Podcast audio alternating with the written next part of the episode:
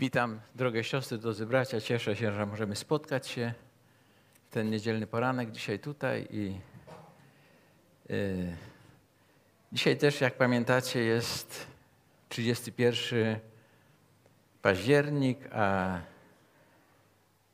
504 lata temu, 31 października, był jeden człowiek, który jakby wyszedł poza ramy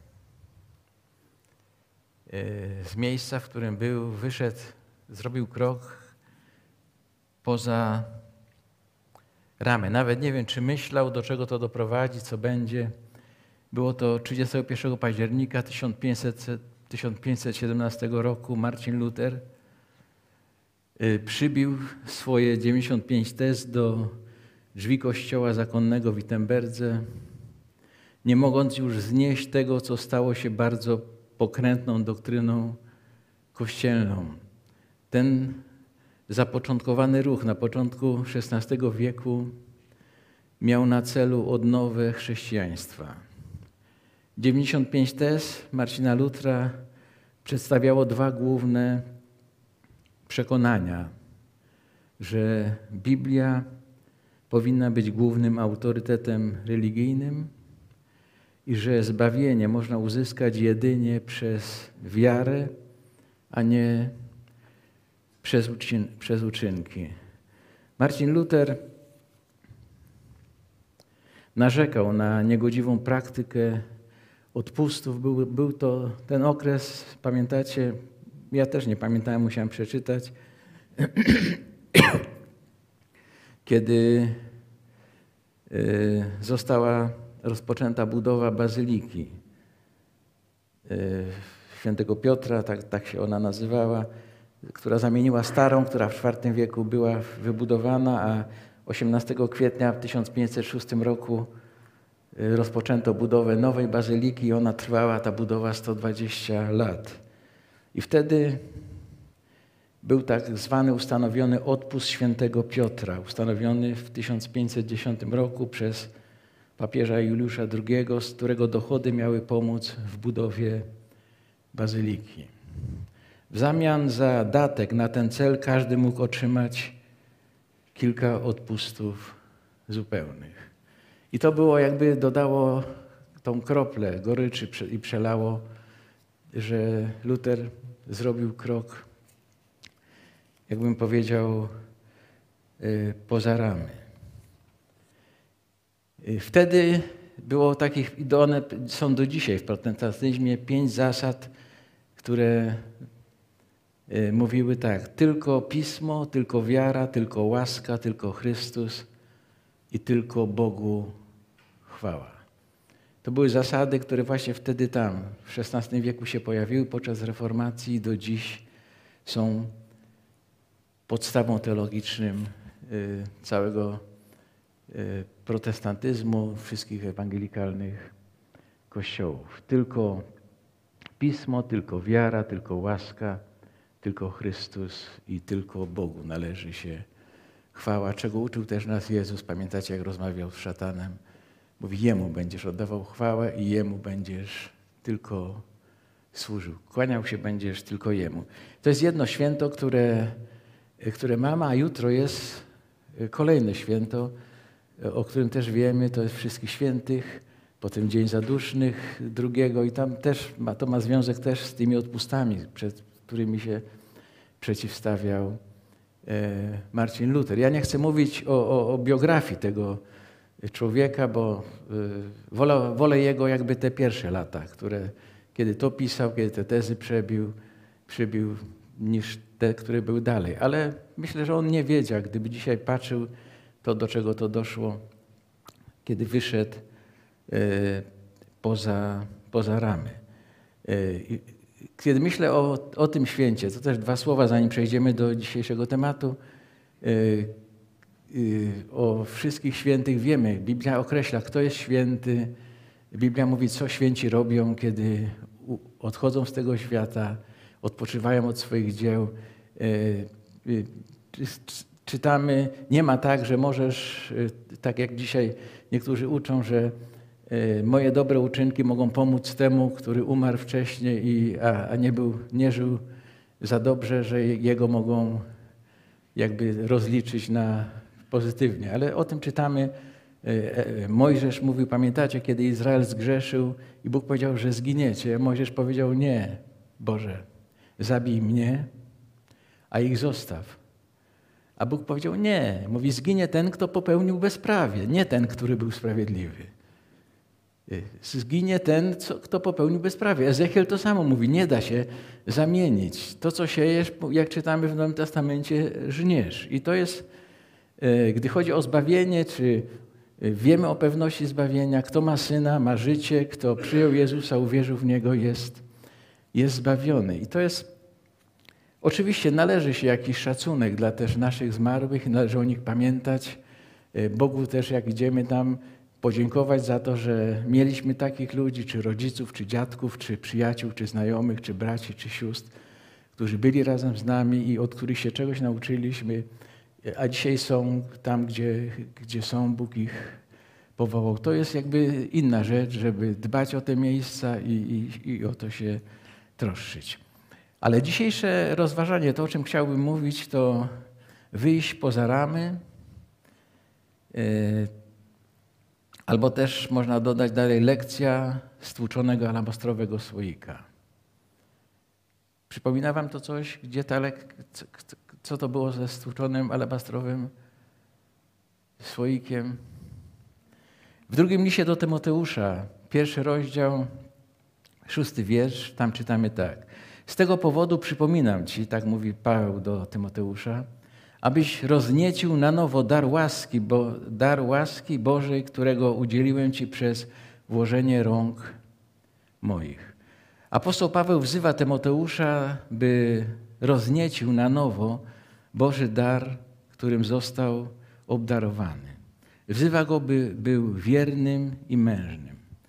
To może oznaczać, że Tymoteusz nie był za bardzo gorliwy w posługiwaniu się, w służeniu Bożym darem otrzymanym od y, Boga. Niełatwo jest rozniecić płomień daru Bożego. Łatwiej jest biernie czekać, aż się sam rozpali. Moi kochani, niezależnie od wieku, pozycji, niezależnie od wiary czy niewiary, wierzący i niewierzący, wszyscy mamy coś wspólnego. Nie lubimy wchodzić poza swoje ramki. Wierzący nie lubią wychodzić poza te same metody głoszenia Ewangelii, te same autorytety. Ateiści nie chcą wyjść poza swój brak wiary czy poza swój brak duchowości. Zjadacze grzechu żyją w ramach grzechu, z jakiegoś powodu nazywają to wolnością. Religijni żyją w ramach religii. Trudno jest wyjść poza stereotypy, często nadane nam przez, przez ludzi. Tymczasem nawet życie materialne czegoś nas uczy. Naukowcy, programiści, artyści, wynalazcy, poważni biznesmeni. Nikt niczego nie osiągnie, jeśli nie przekroczy swoich granic. Nawet w domu, w rodzinie panuje ta sama tendencja. Mąż musi podjąć kardynalne, ale nie głupie decyzje, jeśli chce wyjść poza zamrożoną relację z żoną. Musi podjąć, jak już powiedziałem, jakieś kardynalne kroki, ale nie głupie, jeżeli chce te relacje naprawić, jeżeli chce te relacje odbudowywać. Trudno jest wyjść poza ramy, ale jest ktoś, kto może pomóc. Mojżesz nie chciał wyjść dalej i zostać przywódcą upartego ludu. W drugiej księdze Mojżeszowej, czwarty rozdział, trzynasty wiersz, tam czytamy: Panie, poślij kogo innego. Pan dał mu Arona, aby mu pomógł, a Mojżesz pod Bożą ręką wyprowadził lud z pieca zależnego, jak czytamy, z niewoli, do której ludzie się już przyzwyczaili. Jonasz również nie chciał wyjść poza to, co zwykłe, aby udać się do nieprzyjaciół pogan i głosić im złą nowinę, bo to, co miał głosić, to nie było takie dobre, bo miał powiedzieć, że 40 dni was nie ma i zginiecie wszyscy.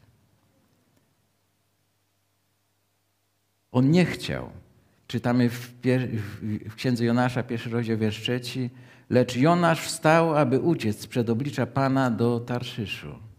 Ale Pan wysłał mu pomoc, aby mógł pokutować. To pamiętacie, to była ryba, którą Bóg posłał, o tym czytamy w drugim e, rozdziale. A w Ewangelii Jana w dwunastym rozdziale, od pierwszego do ósmego wiersza czytamy tak. A na sześć dni przed Paschą poszedł Jezus do Bytanii, gdzie był Łazarz, który umarł, a którego Jezus zbudził z martwych. Tam więc przygotowali mu wieczerze, a Marta posługiwała, Łazarz zaś był jednym z tych, którzy z nim siedzieli przy stole. A Maria wzięła funt czystej, bardzo drogiej maści nardowej, namasiła nogi Jezusa i otarła je swoimi włosami, a dom napełnił się wonią maści.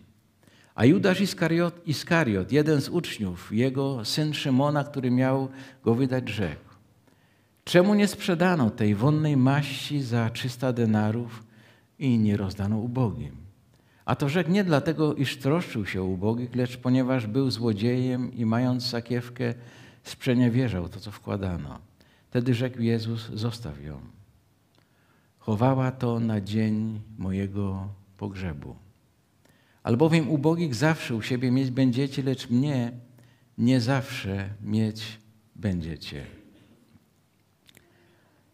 Maria, siostra Łazarza, bym powiedział, zboczyła z szeregu trasy, gdy, słuch, gdy stłukła dzban, słoik alabastrowy z perfumami.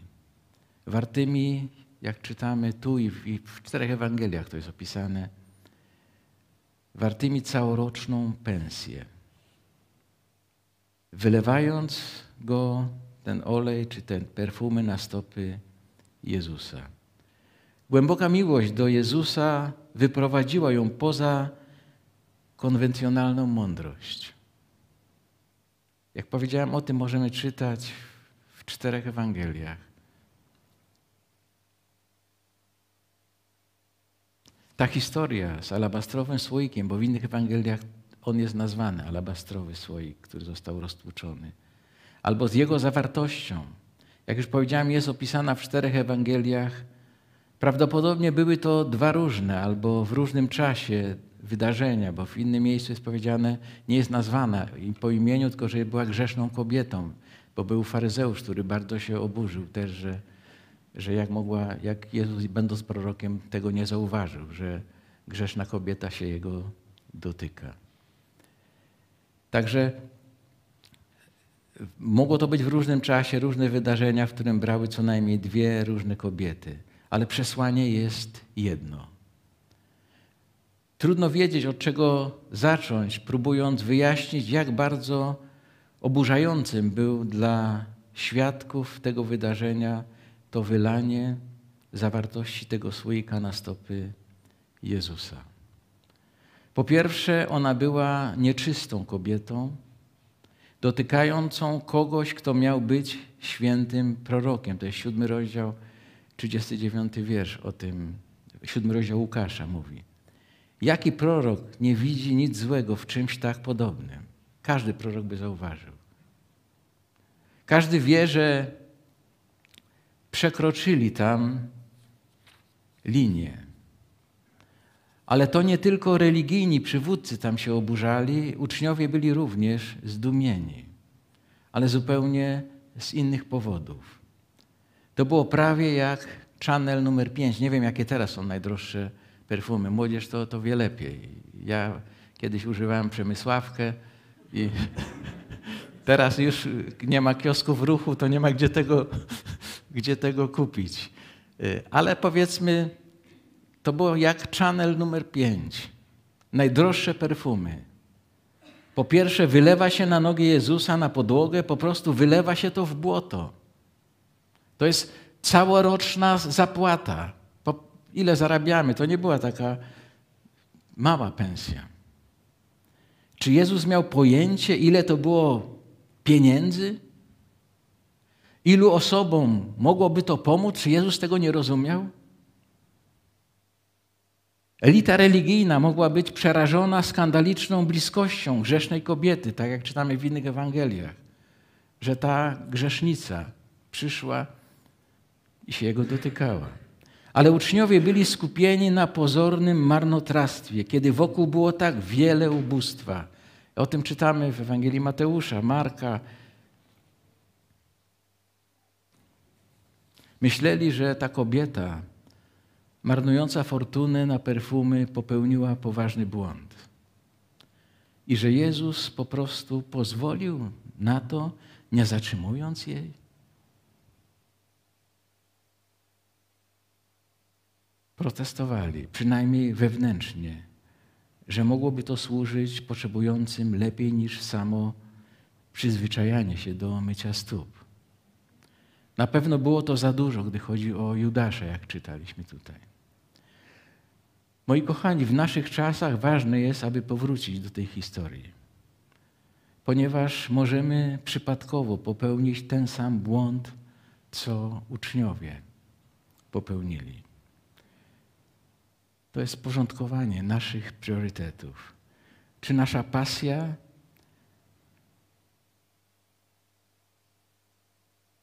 nie została subtelnie skierowana na sprawy królestwa zamiast na samego króla? Czy dla nas nie są ważniejsze sprawy królestwa niż sam król?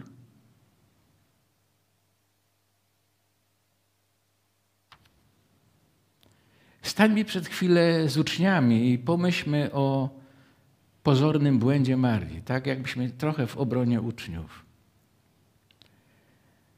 Prorok Ezechiel w 16 rozdziale 49, 50 wierszu on mówi tak. On, oto winą Sodomy, twojej siostry było to. Zbiła się w pychę, miała dostatek chleba i beztroski spokój wraz z swoimi córkami, lecz nie wspomagała ubogiego i biednego. Były wyniosłe i popełniły obrzydliwość przed obliczem moim, dlatego usunąłem je, jak widziałeś. Wołanie ubogich, potrzebujących, uciskanych, sierot, wdów zawsze znajdowało się wysoko na liście Bożych priorytetów. Na szczycie tej listy jest z pewnością troska Boga o Jego własne imię, o Jego chwałę, a następnie zbawienie, zbawienie, wieczne zbawienie zgubionych, a także na tej liście jest Jego lud, Izrael, jest na tej liście.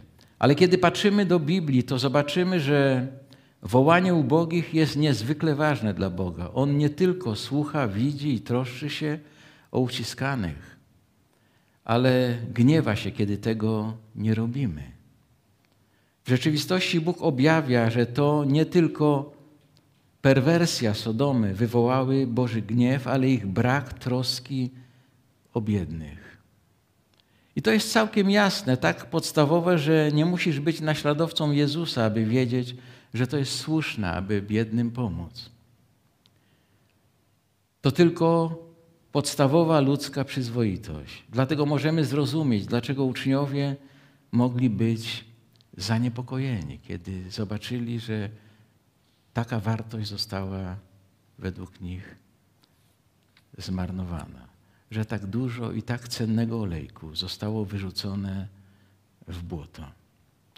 To jednak musimy pamiętać, że naszym najwyższym priorytetem, który przewyższa wszystko inne, musi być miłość do Jezusa, naszego króla. Nie tylko troska o biednych domaga się naszej uwagi. Ta zasada słoika alabastrowego dotyczy również innych dobrych powodów, które często zajmują miejsce w naszej miłości do Jezusa. A nie powinny zajmować, niezależnie od tego, jak są ważne. Nic nie jest tak ważne jak Jezus. Jezus musi być numer jeden. Największym przykazaniem jest miłowanie Pana całym sercem, całą duszą i całą naszą siłą. Bóg powiedział Izraelowi: aby napisali ten fragment na drzwiach i stąd mają mezuzę, aby napisali to na, na swoich czołach i dlatego zakładają sobie takie e, filakterie, aby nie zapomnieli, że będą kochać Boga całym sercem, całą duszą i całą siłą. Wszystkie nasze środki, to, to słowo, czy to może być dobrym tłumaczeniem tego hebrajskiego słowa całą swoją siłą. Wszystkie nasze środki, czyli wszystkimi naszymi środkami. To znaczy, mamy kochać Boga wszystkim, co mamy. Wszystkim, co mamy. To właśnie zrobiła Maria.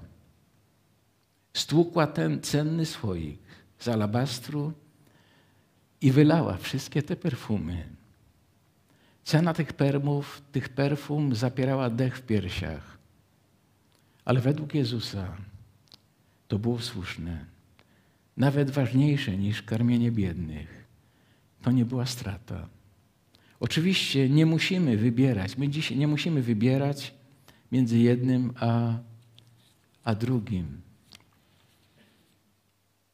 W rzeczywistości kochanie innych dobrze wyraża naszą miłość też do Boga, który również ich kocha. Nie należy rozdzielać dwóch miłości, ale Jezus musi być pierwszy. Stałe wpatrywanie się w Boga, Jego, w Jego doskonałe słowo, Jego potężne cuda, stałe wpatrywanie się w to może ponownie rozniecić ogień naszej miłości w wielki pożar. To, o co prosił Paweł Tymoteusza. Maria prawdopodobnie nie wiedziała wtedy, że jej alabastrowy incydent polegał na namaszczeniu Jezusa na jego pogrzeb. Było to wydarzenie o głębokim proroczym akcie, o którym mówi się przez stulecia, aż do dzisiaj. I moi kochani, coś takiego może wypływać z niepohamowanej pasji do Jezusa. Coś takiego może, możecie spotkać w życiu z niepohamowanej pasji do Jezusa. Że coś zrobisz, że o tym się będzie mówić z pokolenia w pokolenie. Na początku tak coś zrobił Marcin Luther.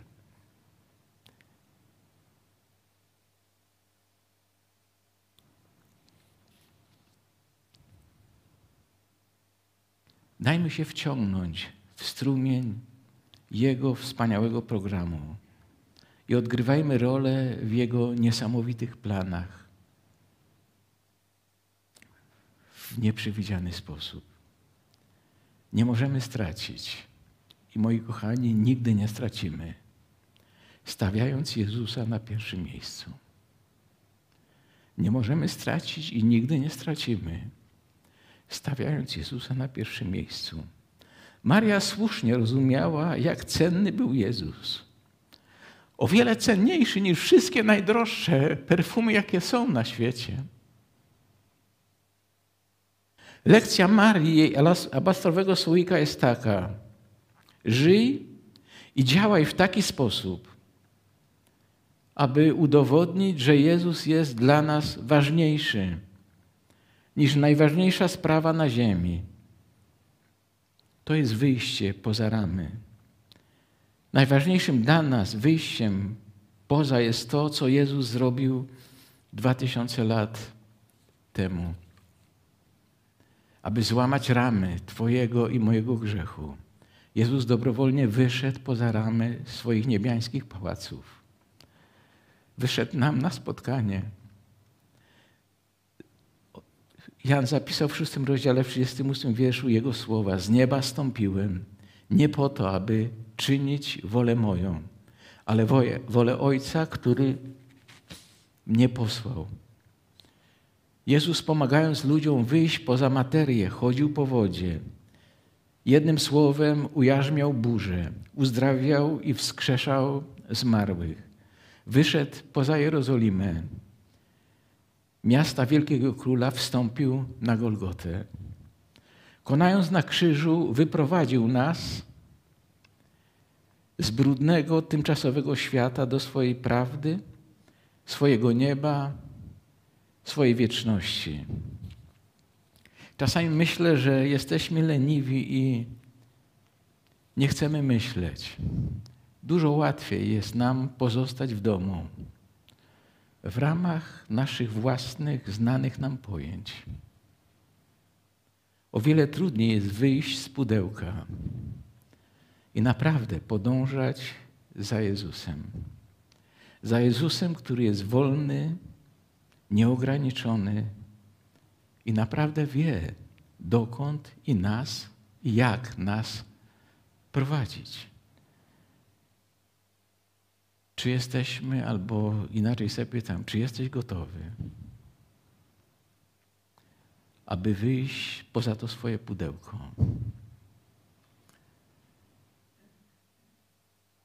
Może na jakiś czas, a może na zawsze. Jeżeli tak, to znaczy, że mamy kochać Boga wszystkim, co mamy.